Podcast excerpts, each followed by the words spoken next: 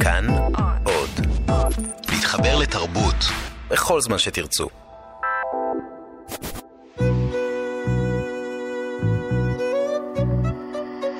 ליסה פרץ משוחחת. שלום לכם מאזיני התוכנית, כאן באולפן ליסה פרץ, ואני משוחחת עם אנשי ונשות תרבות על היצירה והחיים. עורכת התוכנית ענת שרון בלייס, והיום האורחת שלי היא הבמאית היליל סמל, שבימים אלה ההצגה שביימה במסגרת לימודי הרצח של חנוך לוין מועלית בצוותא. שלום היליל. שלום. אז לפני שאנחנו בכלל מתחילות לדבר, כמו שאמרתי לך קודם, יש לך שם פשוט מקסים. ואני רוצה שתסבירי לי מי, מי בחר לך את השם הזה ומאיפה. Uh, בעצם אני קיבלתי את השם עוד לפני שנולדתי, הרבה לפני שנולדתי. Uh, אימא שלי, שהיא סופרת נאוה סמל, כן, שהלכה השנה לעולמה. Um, היא הייתה חובבת ספרות גדולה מאוד גם בצעירותה, ולמדה את השירים של שאול צ'רניחובסקי עוד בתיכון. עכשיו, יש לנו עוד בבית את הספרון הזה, את המקראה שהייתה אז לתלמידי כיתות י' או משהו, וסביב השירי האהבה לעילעיל, יש שם הרבה ציורים כאלה של בנות העשרה, כל מיני פרחים ולבבות וכאלה, ובינה לבין עצמה, בגיל 17, היא החליטה שהיא תקרא עילעיל לביתה שתיוולד. זה לקח כמה שנים, כי לפניי אה, יש אח גדול, ואני נולדתי יחד עם אח תאום אה, כשאימא שלי הייתה בת 30 ומשהו. וזה היה פ... סוף פסוק. כלומר, אה, יש שני ילדים, בן ובת, לבת אנחנו כבר יודעים איך קוראים. לה הולכים לקרוא עילעיל. ואיך קראו לתאום שלך? כן, אז אחי התאום, אה, גם כן אנחנו צוחקים שגם הוא שם מיוחד, כולנו שמות מיוחדים כאלה, אז הוא קוראים לו נמדור. נמדור. כן, בדיוק. ש... שזה? אנחנו כולנו דור שלישי. והוא היה האחרון שנולד בתוך הדור הזה של הילדים, ולכן הוא הנים האחרון של הדור.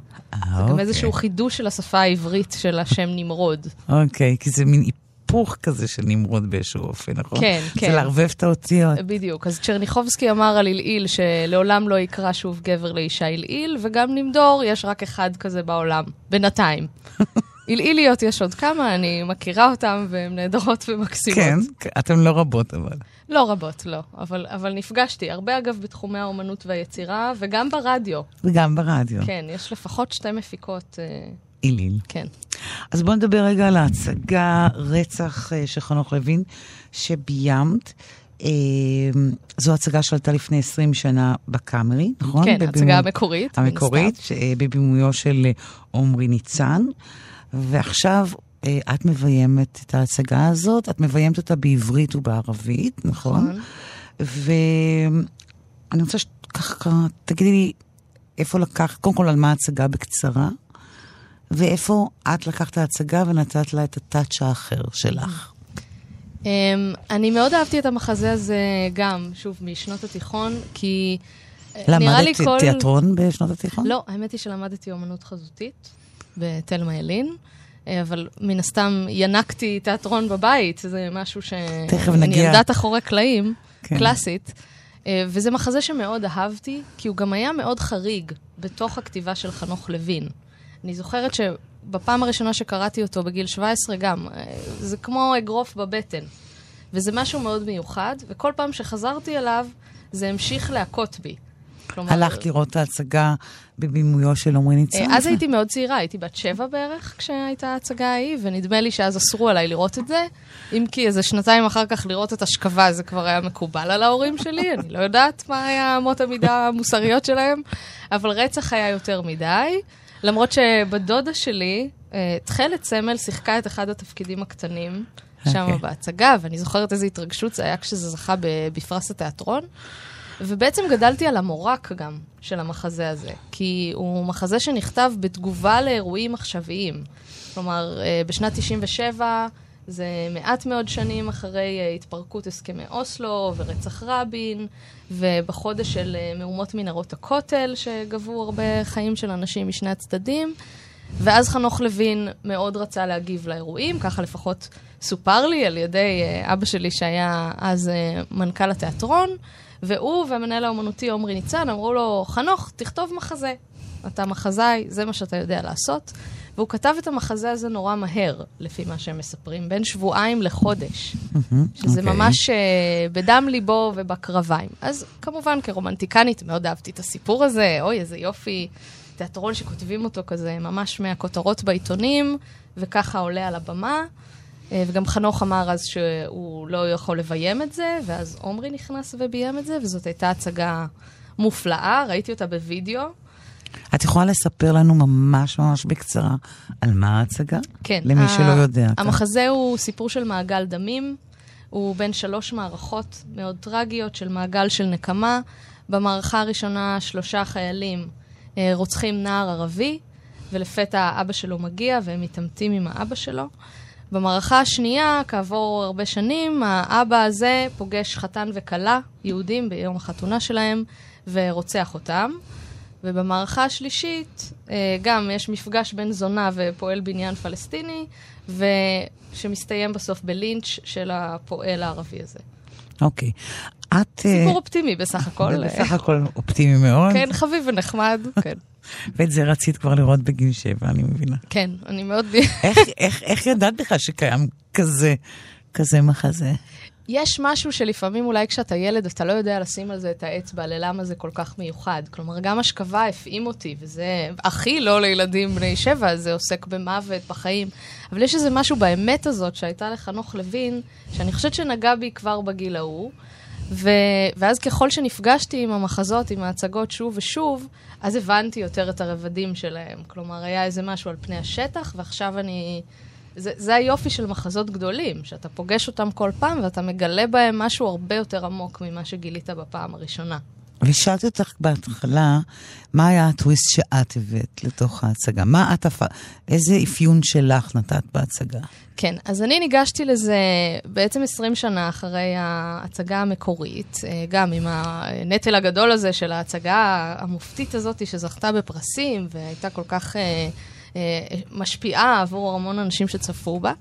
ואמרתי קודם כל, 20 שנה אחרי, זה כבר זמן שאפשר לגעת בזה שוב. וזה לא רק זמן שאפשר, אלא צריך לגעת בזה שוב. זה חשוב לעשות את זה עכשיו, ואנשים צעירים ומנקודת המבט שלנו. אז אה, שתי החלטות שיצאתי איתן בתחילת הדרך, ועשיתי את ההצגה בהתחלה באוניברסיטה וקיבלתי גיבוי מלא. אוניברסיטת תל אביב, כן. כן, נכון. Okay, אוקיי, שם את לומדת. נכון, עדיין, בתואר השני. מתי אני אסיים אותו, אני לא יודעת.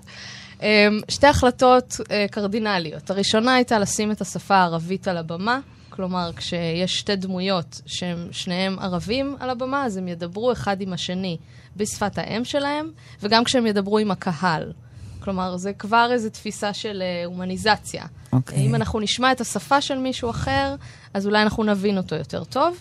Uh, ושכל ההצגה תהיה... באופן פרדוקסלי, כן? כן, כן, כן, כן. כי, כי יש איזה צליל אחר של בן אדם, כשהוא מדבר באמת בשפת האם שלו, אני חושבת שזה מאוד נוגע ללב.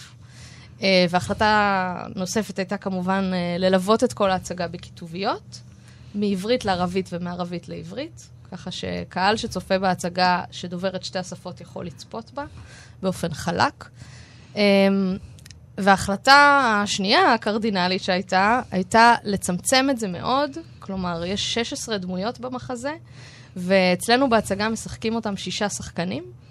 זה קאסט מעורב של אה, יהודים ופלסטינים, והם משחקים את כל התפקידים, והם מחליפים בין המערכות. במערכה אחת הם, אה, אחד הוא רוצח, ובמערכה שנייה הוא קורבן. וככה הם, הם כולם... מין... כלומר, צמצמת את השישה עשר ל... שישה. שישה, כן, אוקיי. שישה מקסימים ומקסימות, אה, שמחליפים תפקידים, וככה זה, זה מין משחזר את מעגל הנקמה הזה, של דור אחרי דור אחרי דור, כולם רוצחים אחד את השני, ו, וזה מאוד אה, טרגי ופסימי, ועושה קווץ' בלב. אוקיי. אז אני אחזור למה שאמרת. אה... ממש לפני כמה רגעים, שאת ילדת אחרי קלעים אה, קלאסית. כן. אביך הוא אה, מי שהיה מנכ"ל התיאטרון הקאמרי בתל אביב, אמך היא הסופרת נאוה סמל, כאמור שהלכה לעולמה השנה. אה, בואי תספרי לי על הזיכרון הראשון שלך מאחורי הקלעים.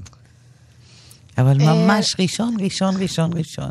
אני לא יודעת אם, אם הוא הראשון, אבל הוא בהחלט אחד המשמעותיים, וזו הייתה הצגה שאני ואחי התאום היינו שרופים עליה. הצגת ילדים בתיאטרון הקאמרי, קראו לה מסע הניסים והנפלאות.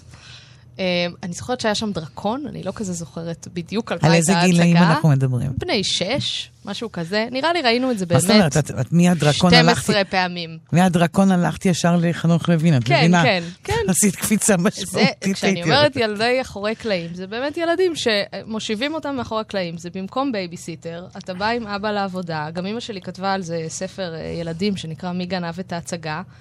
על שני תאומים, ליל ונים, שהולכים לאיבוד באחורי הקלעים של התיאטרון ומנסים לברר מה אבא שלהם עושה. אז הממד האוטוביוגרפי פה הוא uh, בהחלט משמעותי. כן, אז אני זוכרת שבהצגה הזו עזרא דגן שיחק מכשפה, ו- ויש לו קטע כזה, כמו הקוסם מארצוץ, שהוא נמס. כזה, I'm melting, I'm melting וזה. ואני זוכרת שבסוף ההצגה לקחו אותנו מאחורי הקלעים לראות את האפקט המדהים הזה, איך הוא נמס, שזה פשוט דלת ברצפה של הבמה, שפשוט יורד במדרגות שם. ואני חשבתי שזה הדבר הכי היסטרי שראיתי בחיים. יותר מגניב מכל קסם ומכל הארי פוטר ומכל דבר שראיתי. ו- ואמרתי, זה פשוט מדהים, זה, זה מגרש משחקים ענק, הבמה הזאת, ואפשר לגרום לאנשים, לא יודעת, להינמס, איך אומרים את זה בעברית? אה, להיעלם בתוך הרצפה לת... של הבמה. אוקיי. Okay. כן. הבנתי. ו- וזה אומר uh, להיות מאחורי הקלעים עם אבא שלך, להכיר שחקנים, לראות חזרות, לשמוע שיחות של שחקנים, אה, אני לא חושבת שנכנסתי לחדרי חזרות כל כך, אני כן זוכרת שהתרוצצנו שם בין הרגליים. הקאמרי היה כמו מבוך קסום כזה, יש שם המון מסדרונות וחדרי הלבשה, ו... והיה נורא כיף להתהלך שם. אני זוכרת את חדר התלבושות והרקוויזיטים.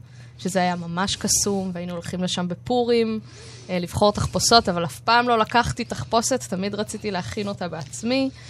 אה, ויכולת לקחת. כן, וזלזלתי באחים שלי שבחרו לקחת אה, איזה תחפושת כזאת קומפלט, כי חשבתי שזה לא חוכמה לקחת מהתיאטרון. כן, זה מין מקום קסום כזה. את החדרי חזרות אני לא זוכרת, לא חושבת שנכנסתי אליהם. וכמובן, כל השיחות שהיו אצלנו בבית, אנחנו בית של הרבה מוזיקאים. אה, מן הסתם, מוזיקאים, שחקנים, אה, אה, דודה שלי יוצרת אומנות, דוד שלי היה מנהל מוזיאון תל אביב. כלומר, המון המון שיח, כמו שבבתים אחרים אני מניחה שרבים על פוליטיקה וכדורגל או משהו, אז, אז אצלנו רבים על אומנות. תכף נגיע לבית הספציפי הזה. כן. אבל אני אחזור רגע להורים שלך. את בעצם לא ממש מרדת בהם. את בחרת בתיאטרון, בטקסטים, שזה גם ממך וגם מאביך. נכון, זה איזה שילוב. כן, אפשר לא להגיד. לא רצית למרוד בהם? אני לא יודעת אם רציתי למרוד, אבל uh, לא התחלתי מתיאטרון. כלומר, למדתי, בתיכון למדתי אומנות פלסטית, וחשבתי שזה מה שאני הולכת לעשות. Um, אבל היה לי מאוד בודד. הבנתי מהר מאוד, גם, גם שם, בתוך לימודי האומנות, שאני מאוד אוהבת ליצור ביחד עם אנשים אחרים. Okay. אוקיי. יש, יש משהו באומן לבד בסטודיו, שהוא... זאת חוויה מאוד של לבד, והייתי מאוד כמהה לשותפות כזו עם אנשים אחרים, ואיכשהו תמיד גייסתי אנשים אחרים לעבודות. כולל אגב טקסט, גם עבודת טקסט, היא, יש לך שותף. שהוא מישהו שנתן לך את המילים האלה. נכון. ואתה מתכתב איתו גם אם הוא לא בחיים, כמו חנוך לוין, אנחנו ניהלנו אין ספור שיחות. הוא פשוט לא יודע את זה. Okay. כן. אנחנו דיברנו אה, באופן רציף, המון המון זמן. יש נמען. כן, יש נמען. והמרד הקטן שלי אולי היה שכשסיימתי את התיכון, אז הלכתי לצבא. ו, ובצבא רציתי לעשות משהו שהוא לא קשור לאומנות, ולא לתקשורת, ולא לכל הדברים המובנים מאליהם לילדים של. כלומר, רוב בני הכיתה שלי, ואני לא מזלזלת בזה, כן? הם עשו את הבחירות שלהם, אבל הם הלכו לגלי צה"ל, לדובר צה"ל, לתיאטרון צה"ל, למקומות האלה, ואני מאוד רציתי לעשות איזה משהו אה, מסעיר ושונה ורחוק מהבית, ומצאתי את עצמי בדימונה.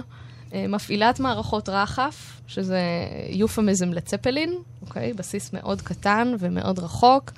ויצאתי לקצונה, והייתי אה, מפענחת תצלומי אוויר. כלומר, היה לי איזה מיני קריירה צבאית של אה, ארבע שנים בערך.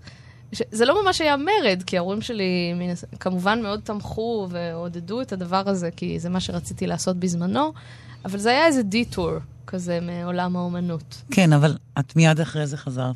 כן, ושבועיים אחר כך כבר הייתי בחדר חזרות, אחרי שסיימתי את הצבא. אני, המרד אולי הקטן היה באיזשהו אני מקום... אני שואלת על הרצון לעשות אותו. על הרצון לעשות uh, מרד? כן. כי מה יגידו? אנשים שיביטו בך מבחוץ, יגידו, טוב, המשיכה את אימא שלה ואבא שלה.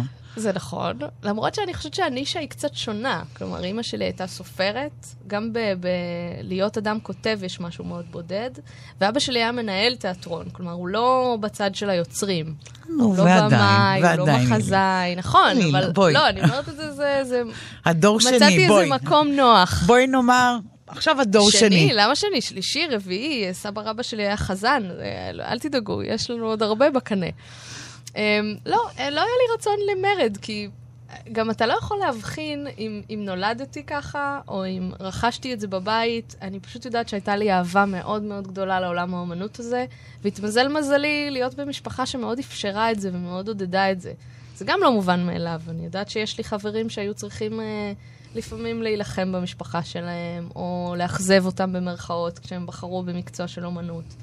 ואני, היה לי חיבוק חם וממסדי. אבל החיבוק חם הזה, הוא נובע, שוב פעם, מהורים שהם מתוך העולמות האלה. כן. והם מכירים גם בפריבילגיות של העולם הזה. אז מן הסתם היה להם מין רצון טבעי להעביר איזושהי חוויה דומה שלהם לבת שלהם. אני שואלת את השאלה, אני, אני מתעקשת עליה כי אני חושבת שיש משהו אה, מאוד מפחיד ומאוד מאוד אה, כן, מפחיד ומאיים בלהיות בעולם שבו הוריך עשו, בה, עשו בו קריירות מפוארות, והשיפוט כלפייך יהיה שיפוט ביחס אל, עם כל הרצון או הכישרון שלך, את יודעת. אה, זה יהיה לפחות בפרק זמן בהתחלה ביחס ל, או, או יותר חמור, זה, אוקיי, זה נפתח בפניה כי היא הבת נכון. של. אני רוצה שתתייחסי לכל מה שאמרתי עכשיו. בבקשה. אמ, זה ללא ספק עלייה וקוץ בה. אני חושבת שאנשים מבחוץ, נוח להם לחשוב ש... שבטח בנים של, יש להם הרבה פריבילגיה. דברי על עצמך. ודלת פתוחה. לא, אני יכולה להגיד שמצד אחד אה, לא טורקים לי את הטלפון בפרצוף, נגיד, כשאני מתקשרת. כי יש איזה כבוד, נגיד, לאבא שלי, או לאימא שלי. Okay. יש הרבה אוקיי. אנשים שמכירים אותי גם מילדות. Uh, הקוץ הוא העובדה שהם לפעמים זוכרים אותי כילדה. וקשה להם להתייחס אליי כ- כשוות ערך, כקולגה, כמישהי שיש לה אה, רעיונות משלה ומחשבות משלה ויצירתית. יש הרבה הקטנה. זה גם קשור לזה שאני אישה, כן, שגם מאוד קשה בתחומים האלה. יש uh, הרבה במאיות פרינג', מעט במאיות uh, ברפרטוארי. תכף גם נדבר על זה, כן. כן, זה נושא שמאוד uh, חשוב לי. Um, וחוץ מזה, יש גם מצפים ממך, נגיד, נורא לדעת. נורא, אני חושבת שנכנסתי לחדר חזרות אה, שבועיים אחרי שסיימתי את הצבא, הרמתי טלפון לרוני פינקוביץ', הבמאי המקסים, ואמרתי לו, אני רוצה להיות עוזרת במאי.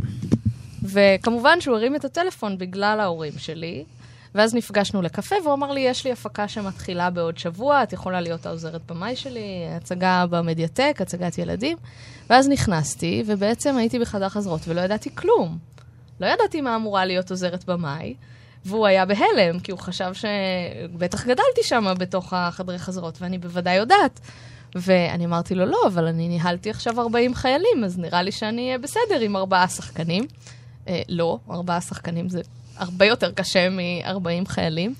ולמדתי מהר מאוד את העבודה תוך כדי. כלומר, אני חושבת שבסוף אה, הוא היה מרוצה, והוא מוזמן להתקשר למערכת אם הוא חולק עליי. אבל אה, אז מצד אחד אתה מקבל את ההזדמנות, מצד שני, אתה, אה, אני הרגשתי הרבה פעמים שמסתכלים עליי בשבע עיניים. גם עכשיו. כן. כלומר, אה, יבואו להצגה שלי, אבל? אבל יבחנו אותה כאילו לא כאילו זו ההצגה הראשונה, אלא כאילו זו ההצגה ה-17. אוקיי. כלומר, באיזו זכוכית מגדלת. אוקיי. זה, זה המקום הזה. והמקום. הפריבילגי הזה של להיות בת של נאוה ושל נועם, זה, יוצר איזו תחושה של יותר צניעות, יותר ענווה, יותר איזו הכרה בשבריריות של המעמד שלך?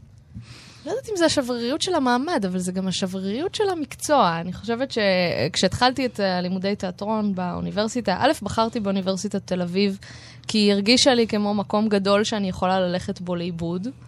לעומת uh, סמינר הקיבוצים. Uh, שוב, זו הייתה בחירה שלי, אני ממש לא שופטת מישהו שהלך לסמינר הקיבוצים, אבל לי הרגיש שבסמינר הולכים כל הילדים של, והרבה מבני הדור שלי, ורציתי באמת איכשהו uh, ללכת לאיבוד בתוך איזו מערכת גדולה, וגם להיכנס לקורסים uh, בקולנוע, ובתולדות האומנות, ופסיכולוגיה, ודברים כאלה שאכן עשיתי.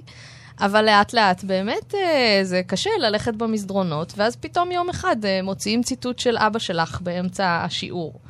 אה, אני שמחה, אגב, שהוא מנהל תיאטרון ולא במאי, כי אני כן חושבת שזה... שזה כן הסתכלו עליי במשקפיים אחרות. כלומר... היית נבוכה שהוציאו את הציטוט הזה? הייתי נבוכה שהמרצה לא ידעה. שאת ביתו? כן. מזה היית נבוכה? זה גם מראה איך הולכים לאיבוד, כי לא תמיד המרצים יודעים את שם המשפחה שלך, ואז הם, אה, הם לא, לא תמיד מקשרים. לא, אבל היית נבוכה מזה שהיא לא ידעה או מזה שהיא ציטטה? לא, זה היה מין כזה, העלו עכשיו אה, וידאו שלו על המסך, אני יושבת, כל הכיתה מסתכלת עליי, אני אה, מסמיקה כמו איזה מטומטמת, כולם מסתכלים עליי לראות איך אני מגיבה. ובאמת לא ידעתי מה לעשות, כי מצד אחד לא רציתי לתקן את המרצה ולהגיד לה, להרים את היד ולהגיד, היי, זה אבא שלי שאת מדברת עליו, כי זה באמת לא רלוונטי לנושא השיעור. אה, וגם מצאתי את עצמי מתווכחת הרבה פעמים. הייתי חוזרת הביתה, מספרת לאבא, בשיעור תיאטרון ישראלי אמרו כך וכך. ואז הוא אומר לי, מה פתאום, זה לא היה ככה, זה בכלל לא, זה, תגידי למרצה שלך וזה. ואני בחיים לא אגיד למרצה שלי אני שזה... אני מאוד מקווה שלא אמרת לא, לא אמרתי, לא אמרתי, אבל לפעמים היה לי איזה ידע אינסיידרי כזה שלא היה ברור מאיפה הוא הגיע. Um, יש איזו פריבילגיה של לדעת את ה-ins and outs של המקצוע. אבל זה גם אבל מקום... אבל זה המון, זה, זה, מה שאת אומרת, ה-in וה-out של המקצוע, זה, זה המון כוח של, נאמר, לאנשים בגילך אין אותו כלל. נכון. את מבינה את זה? כלומר, זה פריבילגיה מוזהבת, הייתי אומרת כמעט. זה גם פריבילגיה של שאתה יכול לחזור הביתה ולספר להורים שלך מה אתה עושה, ויש להם הבנה טוטאלית של הדבר הזה. אה, אימא שלי, למשל, הייתה ממש שותפה יצירתית שלי, אין, אין סצנה שלא עשיתי. או מחזה שלא בחרתי לביים, שלא הייתי יושבת איתה, הייתי עושה קריאה ראשונה, קודם כל עושים אותה בבית, בסלון. הם מחלקים תפקידים, אבא, אימא והאחים שלי, והם קוראים עכשיו, והם שחקנים איומים ונוראים בכל קנה מידה, אה, אבל זה תמיד מתחיל שמה. אני חושבת אה, שזה אולי מקום נורא פריבילגי, שאתה מדבר עם ההורים שלך ואנשים הקרובים אליך, והם באמת מבינים ללב ליבה של היצירה. הם מבינים מה עובר עליך, הם מבינים את הקושי, הם מכילים את זה נורא. אה, אפילו אבא שלי, כל יום הייתי חוזרת מהלימודי בימוי, והוא היה חוזר מהתיאטרון כשעוד גרתי בבית, והיה אומר, זה כזה קשה, את בטוחה שאת רוצה לעשות את זה? את בטוחה? ואני אומרת לו, כן, אבא, אני, אני יודעת כמה שזה קשה. למה היו לו ספקות פתאום? למה היו לו ספקות? כי, כי את, הוא רואה גם הרבה את המקום, הוא היה 25 שנה בתיאטרון הקאמרי, שלא לומר 40 שנה בעולם התיאטרון והבידור הישראלי. ובאמת ראה, יש בזה, חוץ מהיצירה שזה המקום הנפלא, יש הרבה אגו ויש כוח. אה, ויש שיקולים כלכליים שאתה מתמודד מולם, ויש המון המון כוחות שפועלים כנגדך, שבכלל, בכלל לא קשורים למי אתה ומה אתה, ומה אתה רוצה לעשות במגרש הזה. והוא ראה את ביתו משחקת פתאום במגרש של הגדולים, או משחקת בנדמה לי. ואמרתי לו, כן, אבא, אני בטוחה שאני רוצה לעשות את זה. אני שומעת את כל הדברים שאתה אומר, אני רואה את הקושי, ואני כן. בוחרת ממקום מודע. הוא, הוא צייד אותך בנגיד... אה... כל המקום הפריבילגי הזה שלך, אה, הוא צייד אותך באיך להתנהג עם המעמד הזה, או איך לנהוג באחרים עם המעמד הזה? בטח. אמ, מה? מה הוא אמר אני לך? אני חושבת שמשניהם למדתי הרבה. למשל, למדתי את, ה- את האתיקט הבסיסי של המקצוע. כלומר, אה, לעולם לא לצאת מהצגה של מישהו שאתה מכיר ולא לגשת אליו מאחורי הקלעים ולהגיד לו איזשהו פידבק על העבודה שהוא עשה. לדעת לשים את עצמך בצד, לדעת להעריך את העבודה הקשה שכולם עושים. Uh, מלבד זה שהוא אשף יחסי הציבור, והוא יודע הכל על כל הטריקים וכל הדברים בסיסיים, כמו איך את צריכה להתייחס לקהל. הקהל הוא מאוד חשוב. זאת תודעה מאוד עמוקה שהוא הטמיע בי.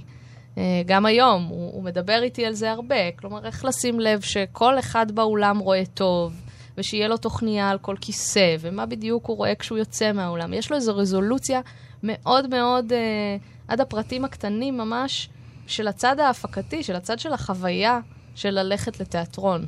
את זה הוא נורא מבין. כן, אבל נגיד, הוא אמר לך תשמעי, את באת ממשפחה כזו וכזו, לך יש את המין, אתה יודע, מין ידע שהוא באמת ידע מוזהב. תנהגי בצניעות מול שחקנים, ת... כאילו... זה משהו שאני דווקא חושבת שאני מביאה מאימא שלי, כי היא אה, יותר עבדה בתחום היצירה, והיא הייתה מאוד נטולת אגו באיזשהו מקום. כלומר, אה, אני חושבת שאולי סופרים אחרים מתבצרים אולי במקום הבודד של הכתיבה, והיא מאוד הייתה כמהה למקום הזה שבו אתה מתחיל לפתוח את היצירה, ונכנס עורך.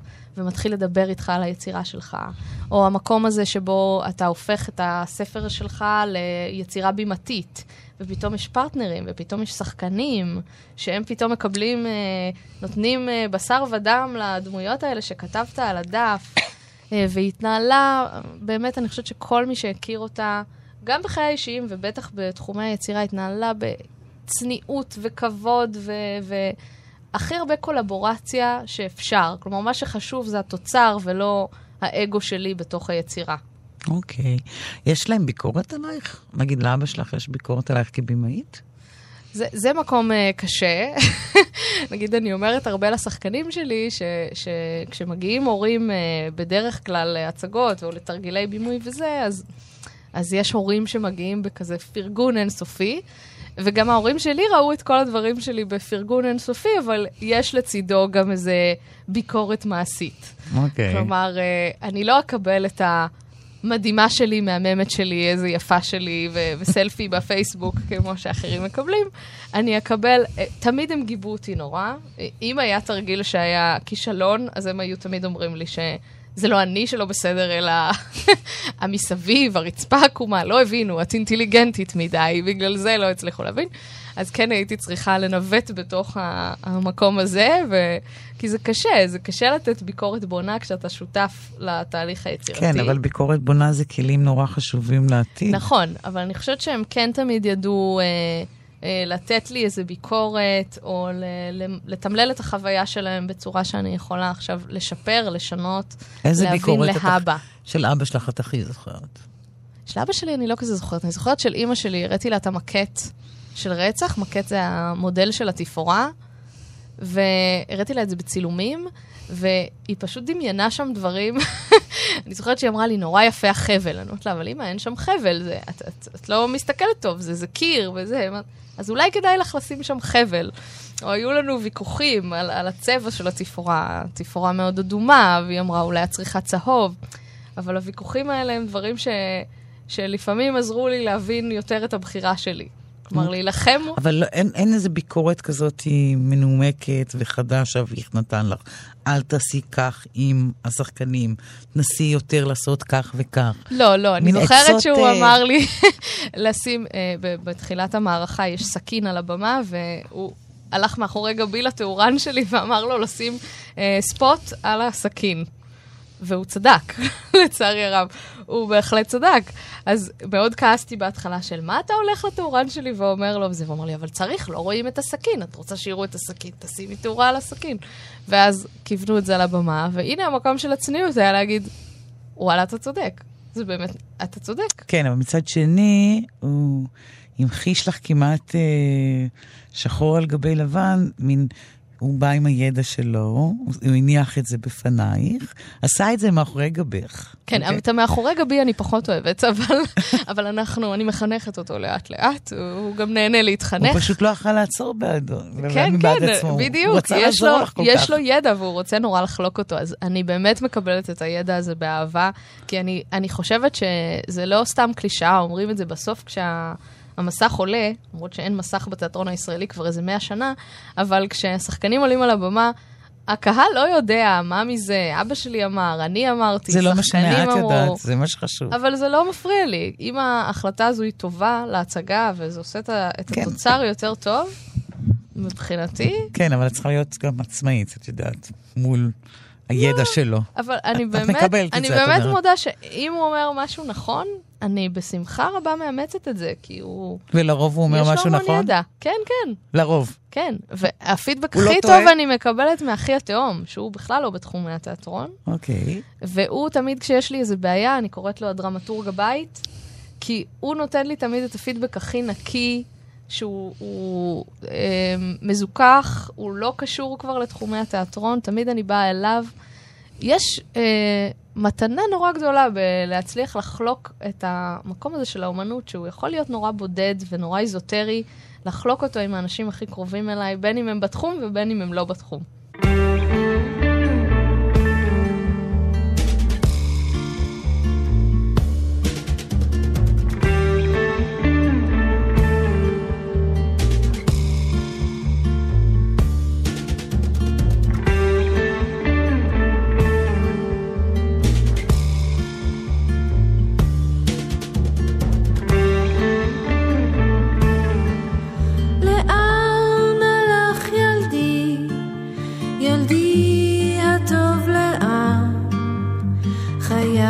שחור מכה חיה לבן. לא יחזור אבי, אבי לא יחזור. חייל לבן מכה חייל שחור. בכי ברכה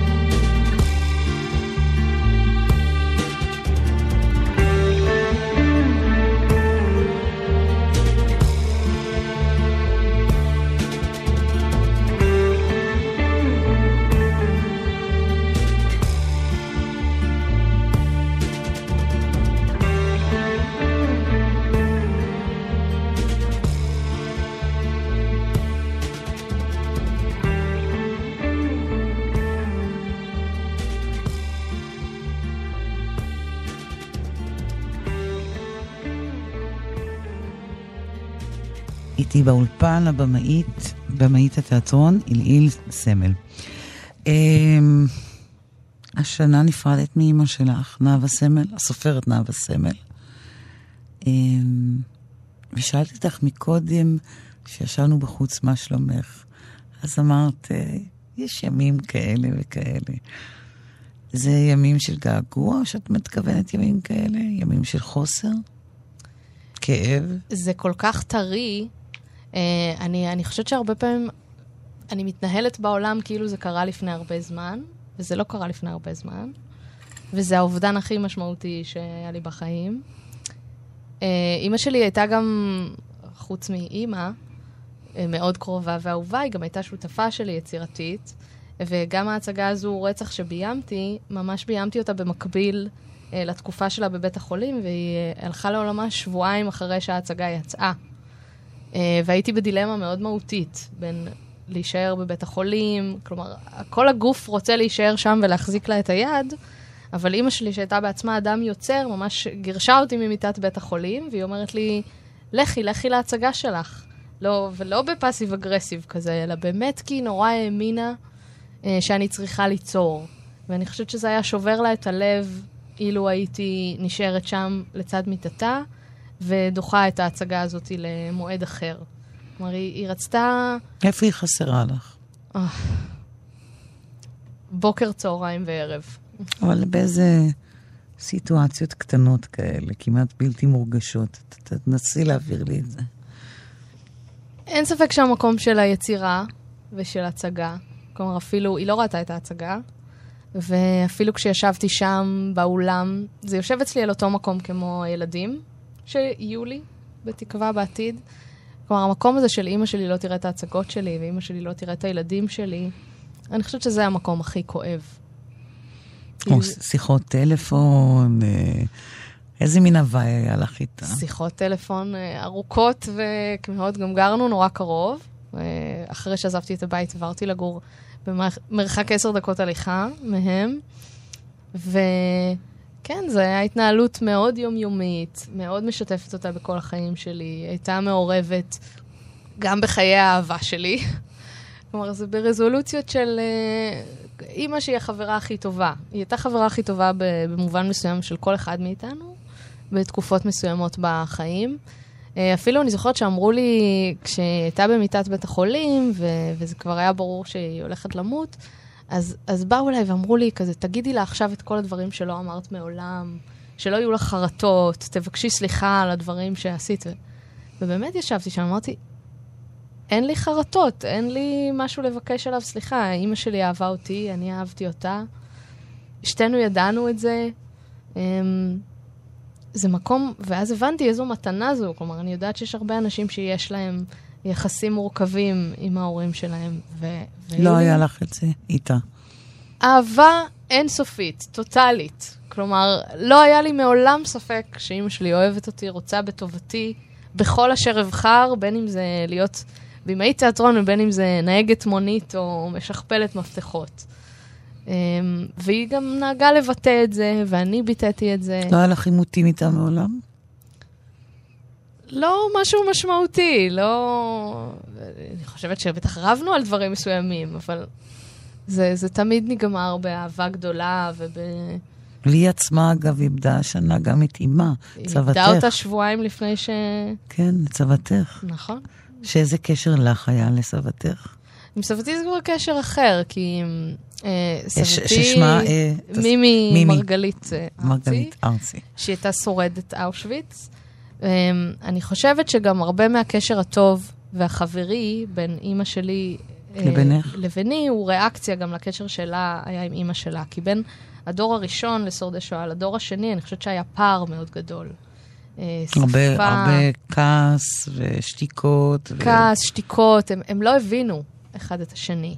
זה, זה מקום מאוד כואב, אני חושבת שהייתה שם אהבה מאוד גדולה בין אימא שלי לסבתי, ו, וקשר עז, שאפילו המוות הזה בהפרש של אה, שבועיים, הם נפטרו שתיהן באותו יום, בערב שישי, באותה שעה, בהפרש של שבועיים. כלומר, יש שם אפילו נתפס. איזה קשר מיסטי כזה, שאנחנו... בלתי נתפס. לא מצליחים לגמרי להבין אותו, אבל אבל הוא היה מורכב, ואני חושבת שכשאימא שלי ניגשה להיות ההורה בעצמה, והיא גם כותבת על זה בשיריה ובספריה, אז, אז היא כבר באה ממקום של, היא רצתה באמת להבין את הילדים שלה, להיות חברה מאוד טובה, אה, שלא יהיה סודות, שיהיה, אה, שהילדים יוכלו להגיד לה הכל, ומה שהם יבחרו לשתף, ואיזו תמיכה מאוד גדולה. את ש... הבנת שהיחסים שלה, נאמר איתך, הם ריאקציה ליחסים שהיו לה עם אמא? הבנתי את זה בגיל אה, יותר מאוחר. אני גם חושבת שבשנתיים האחרונות היו לי שיחות על זה, כש... כשסבתי כבר הלכה ודעכה. אמ, מבחינה מוטורית, קוגניטיבית וכל התופעות, היא מתה בגיל אה, מופלג, מופלג. של 96, אה, כן? כן. אז, אז היו לי שיחות על זה יותר עם, עם אימא שלי, והבנתי, אמרתי לה, אימא, את גדלת עם אדם פגוע, ועם שורדת שואה קשה, היא הייתה בעצמה זקוקה לטיפול, שאז כמובן בשנות ה-50 בארץ ישראל לא, לא הבינו את גודל האובדן. סבתי איבדה אה, בעל ו- ותינוקת. אה, במלחמה, שזה גם התגלה לאימא שלי בערב חתונתה. כלומר, גם לסב, לסבתא שלי גם היה חוש דרמטי מפותח. כן. היא ידעה תמיד מתי לשלוף את הקלפים. אמ, אבל הבנתי את זה, שהיא גדלה עם, עם, הורה, עם הורות חסרה. עכשיו, אני חושבת שסבא שלי מאוד פיצה על זה, סבא שלי היה... יצחק ארצי. כן, אה, הורה מאוד דומיננטי ואוהב ו, ו, ומאוד מכיל.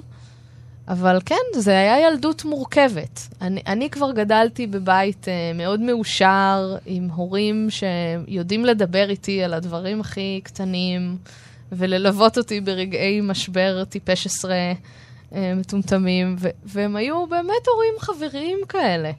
גם היום, אני מרגישה מאוד בנוח לדבר גם עם אבא שלי על דברים שאני מניחה שהרבה בנות גילי לא מדברות עם אבא שלהם על, uh, על הרבה דברים. אמ, גם יש משהו באובדן המשותף הזה עכשיו של, שלי ושלו. קצת יותר קרובה אליו. כן, אני תמיד הייתי קצת ילדה של אימא וקצת ילדה של אבא, אבל בטח עכשיו, אני חושבת שכולנו, גם אני, גם הוא וגם האחים שלי, אנחנו, אנחנו לומדים לאט לאט לשחות בעולם הזה שאין בו את אימא. זה, זה המקום, אני, אני פוקחת עיניים בבוקר ואני, אין את אימא, איפה היא? אני מדברת על זה הרבה גם עם, עם אחי התאום. זה... שיהיה לזה השפעה מאוד קריטית, את יודעת, על, על uh, מי שתהיי כאישה וכאימא, כאישה קודם כל. בטח. בשנים היותר הבאות, אני חושבת. עכשיו את עוד צעירה, אני חושבת. כן, זה סוג של, אני מכוונת מחדש את, את איך שדמיינתי את העתיד שלי, את איך שהוא יהיה. Um, אני חושבת שגם המחזה הזה, רצח, שהתעסקתי בו, יש ארבעה אנשים מתים על הבמה. בהצגה, ובזמן שעשיתי את ההצגה וזגזגתי בין ההצגה לבין בית החולים, ממש קיללתי את עצמי, אמרתי, למה אני צריכה לראות את זה? למה אני צריכה לראות הצגה? מה, מה עשיתי לעצמי? איזה תמימות שבחרתי את זה שנה לפני כן, וממש לא ידעתי מה עומד לפניי, אבל באיזשהו מקום גם הייתה בזה ברכה. באיזה משהו אופן? משהו יותר חכם ממני. כי, כי התמודדתי עם המוות, אה, קודם כל ביצירה, ואז בתוך החיים. כלומר, okay. אוקיי. הם הלכו והתערבבו זה בזה, יש איזה משפט בהצגה מאוד מורבידי, זה חנוך לוין, והכל אצלו גם קשור אחד בשני, החיים והמוות, האהבה, התשוקה, הם, הם נורא מעורבבים. יש שם משפט כזה שאומר, אה, מוכרחים למות. זה נכון. אה, אני לא רוצה לדכא את קהל הצופים, אבל, אבל היה גם משהו תרפויטי ב- בלחוות את זה ערב-ערב. ולנסוע לבית החולים, ו- וללמוד לקבל באיזה השלמה. ואז ברגע שהבנו גם ש- שהולך להיות פה מוות, אז כבר הייתה שאלה של איך אנחנו רוצים שהמוות הזה ייראה. ואני חושבת שליווינו את אימא שלי בצורה אה, אוהבת, מחבקת, יצירתית, מקסימה. נתנו לה המון המון אהבה. זה בלכלה. מאוד מאוד חשוב, לח, בעיקר לכם, אני חושבת. כן. כמובן. כן, שוב, גם פה אני, אני יוצאת כאילו בלי חרטות. אין, אין משהו שלא אמרתי, ואין... עשינו את זה נכון. עשינו את זה יפה כמשפחה. אוקיי. אני רוצה לקחת אותך למקום אחר, שגם קשור אבל לנשיות, וזה המיעוט של במאיות. מבאס, כן. זה מעבר למבאס, זה מקומם. איך את חושבת שאפשר לשנות את זה? כמו את כל הדברים שאני רוצה, הייתי רוצה לשנות אה, בתעשיית התיאטרון ש... והאמנות בארץ. אבל את יודעת שזה עניין של, של ניהול גברי, של, של שנים נכון. שקיבע את זה. אני מזכירה לך שאביך היה שנים גם מנהל, אה, אין גבר. ספק, אין ספק. יש לי הרבה טענות כלפיו על, אה, על דברים שהוא עשה. אבל אה, אני לא רוצה על הדברים שהוא עשה, אבל תגיד ספציפית על הדבר הזה. מה היה התשובה שלו? ש... שאמרת, תשמע, ניהלת במשך 25 שנה תיאטרון, כמה במאיות, אולי על כף יד אחת. לא, זה אני לא יודעת אם הייתי אה, מאשימה אותו ספציפית, אני חושבת שזה לא זה כל זה, כך זה מערכת גורף. שלמה. לא, לא, זה מערכת שלמה. אבל הוא חלק מהמערכת. אבל נניח, נגיד, שאלה כזאת, שאלת אותו? לא, לא, לא דיברתי על זה, כי אני חושבת שזה לא היה החלטה מערכתית, זה לא שהתאספו כל מנהלי התיאטראות הגברים ואמרו, אנחנו לא נותנים עבודה לנשים. הם אלא... אף פעם לא מחליטים, אגב. זה אף פעם, בדיוק, זה, זה, זה משהו שקוף. זה אף פעם לא החלטה, זה שקוף. זו אפליה מאוד מחלחל, שקופה. זה מחלחל, זה מלמטה, זה מכל, מצ, מהצדדים, זה אף פעם לא מלמעלה. ואני שואלת השאלה, מה... מה את, נגיד, במקום הפרטי שלך רוצה לעשות כדי לשנות את הדבר הזה? אני חושבת שכן השינוי מגיע מלמטה. אני מאוד מברכת על הפורום יוצרות התיאטרון שהוקם עכשיו בפייסבוק על ידי uh, טל ברנר. אמ, שהפורום הזה שם לו למה המטרות שלו? תספרי לי. לקידום נשים uh, בעולם התיאטרון, גם במקצועות הניהוליים, במקצועות הטכניים ובמקצועות היצירתיים. Uh, גם כדי פשוט ליצור איזה שדולה כזו, איזה פורום. אה, לגבש אה, ניירות עמדה, להוביל תהליכים. אני חושבת שהם עשו החלטה מאוד חכמה. את נוטלת בזה חלק? אני שותפה בפורום, אני לא... אנחנו, הוא מאוד חדש, אנחנו נראה עוד אה, לאן הוא ייקח את הרגליים שלו ומה הם ירצו לעשות. אבל אני חושבת שכבר לאגד את כל הנשים האלה שעוסקות במקצועות התיאטרון תחת איזה קורת גג אחת, זו כבר אמירה מאוד חזקה של אנחנו כאן, אנחנו קיימות ואנחנו רוצות יותר. אני חושבת שאני אדם גם מאוד צעיר שנכנס לתוך המערכת הזו, ו... והיא באמת הייתה שקופה בעיניי. זה לא משהו שכל כך חשבתי עליו, גם כשבחרתי בלימודי התיאטרון וגם כשראיתי את זה בבית, לכן אני אומרת, זו אכן אפליה שקופה. כלומר, כמה אנשים למדו איתך בחוג? הרבה. כמה מהם... אני חושבת שיש רוב גדול של אה, תלמידות. וכמה מהם בסוף ו... אה, התברגו? זה אנחנו עוד נראה, כי אנחנו סיימנו את הלימודים, אה, חלקנו עוד לא סיימנו את הלימודים כאמור. אמ, אנחנו עוד נראה, זה, mm-hmm. זה בהתפתחות, אבל אין ספק שיש הרבה במאיות בפרינג', אה, מעט ברפרטוארי. יש מנהלות, אגב, תיאטרון. גם מעט. נכון. לא, למה? דווקא עכשיו יש אה, לא מעט. יש בתיאטראות הרפרטואריים... אה, עדיין זה לא מספר גדול. אבל זו פשוט שאלה של אם שמים את זה עכשיו באג'נדה, יש איזו נטייה להגיד, אה, אנחנו מתייחסים לכולם באופן שווה, וזה עניין של כישרון ויצירתיות. אני חושבת שזה קול ששמעתי אותו הרבה מה, מהמערכת. והאחריות שלי ושל הדור שלי ושל יוצרות כמונו זה להגיד, אה, לא, אין, אין שוויון אה, בפני החוק. כי אנחנו לא מרגישות אותו על בשרנו, כי אי אפשר למדוד כישרון. לא רק לא מרגישות, זה גם אנחנו, אין, אין לנו שום מקום כדי להביע את זה גם. נכון. בשום מקום.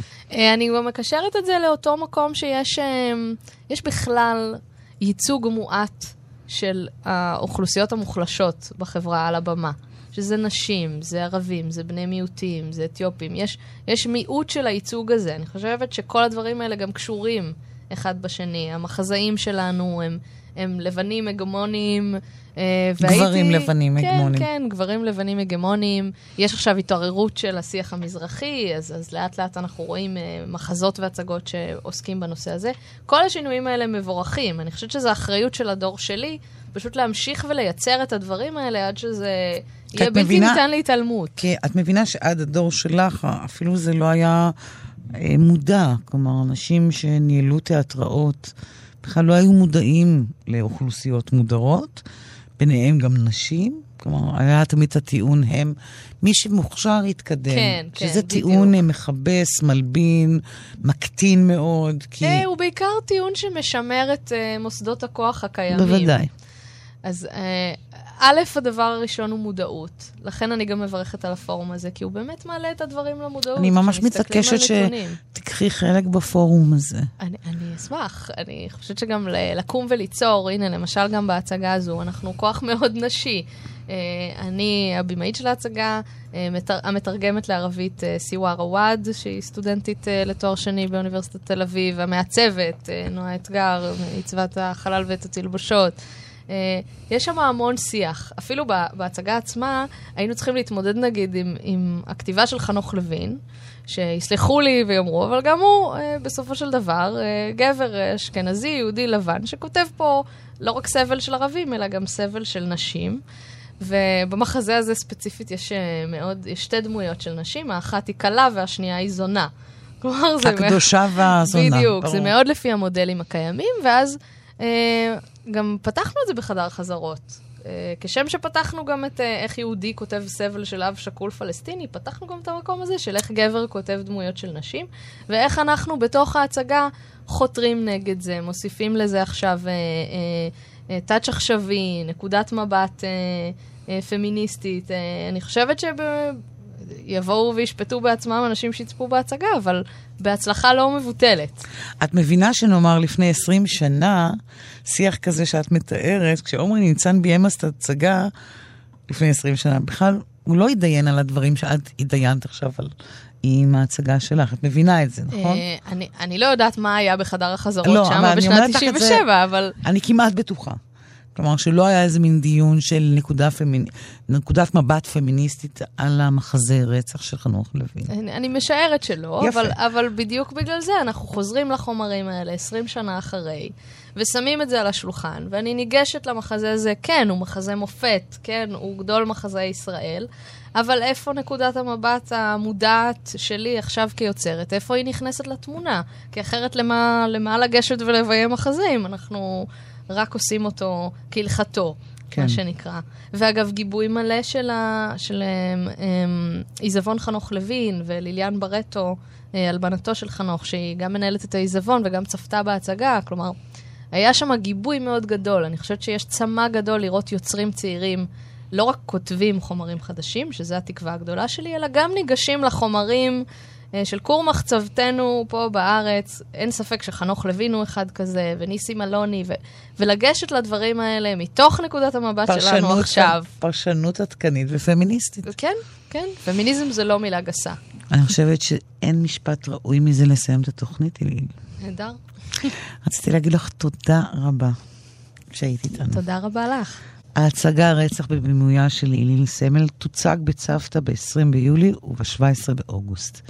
עד כאן השיחה עם הבמאית איליל סמל, כאן באולפן ליסה פרץ, עורכת התוכנית ענת שרון בלייס.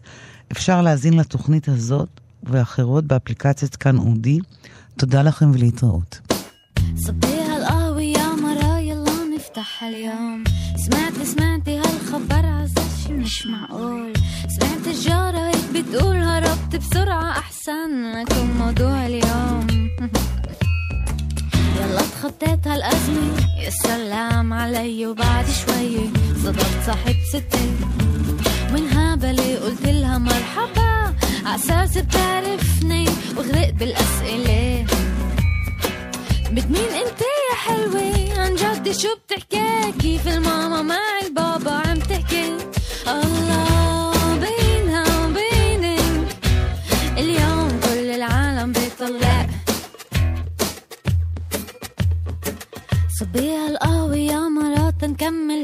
هالحكي هاي جارتنا بيدن جوزها لحالها. شو بده يطلع منها؟ هي وبنتها.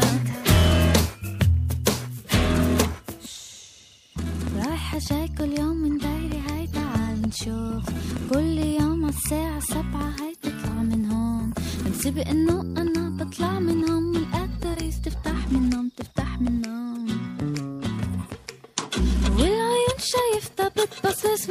chapa, bicho, fio, mino, quer folhete.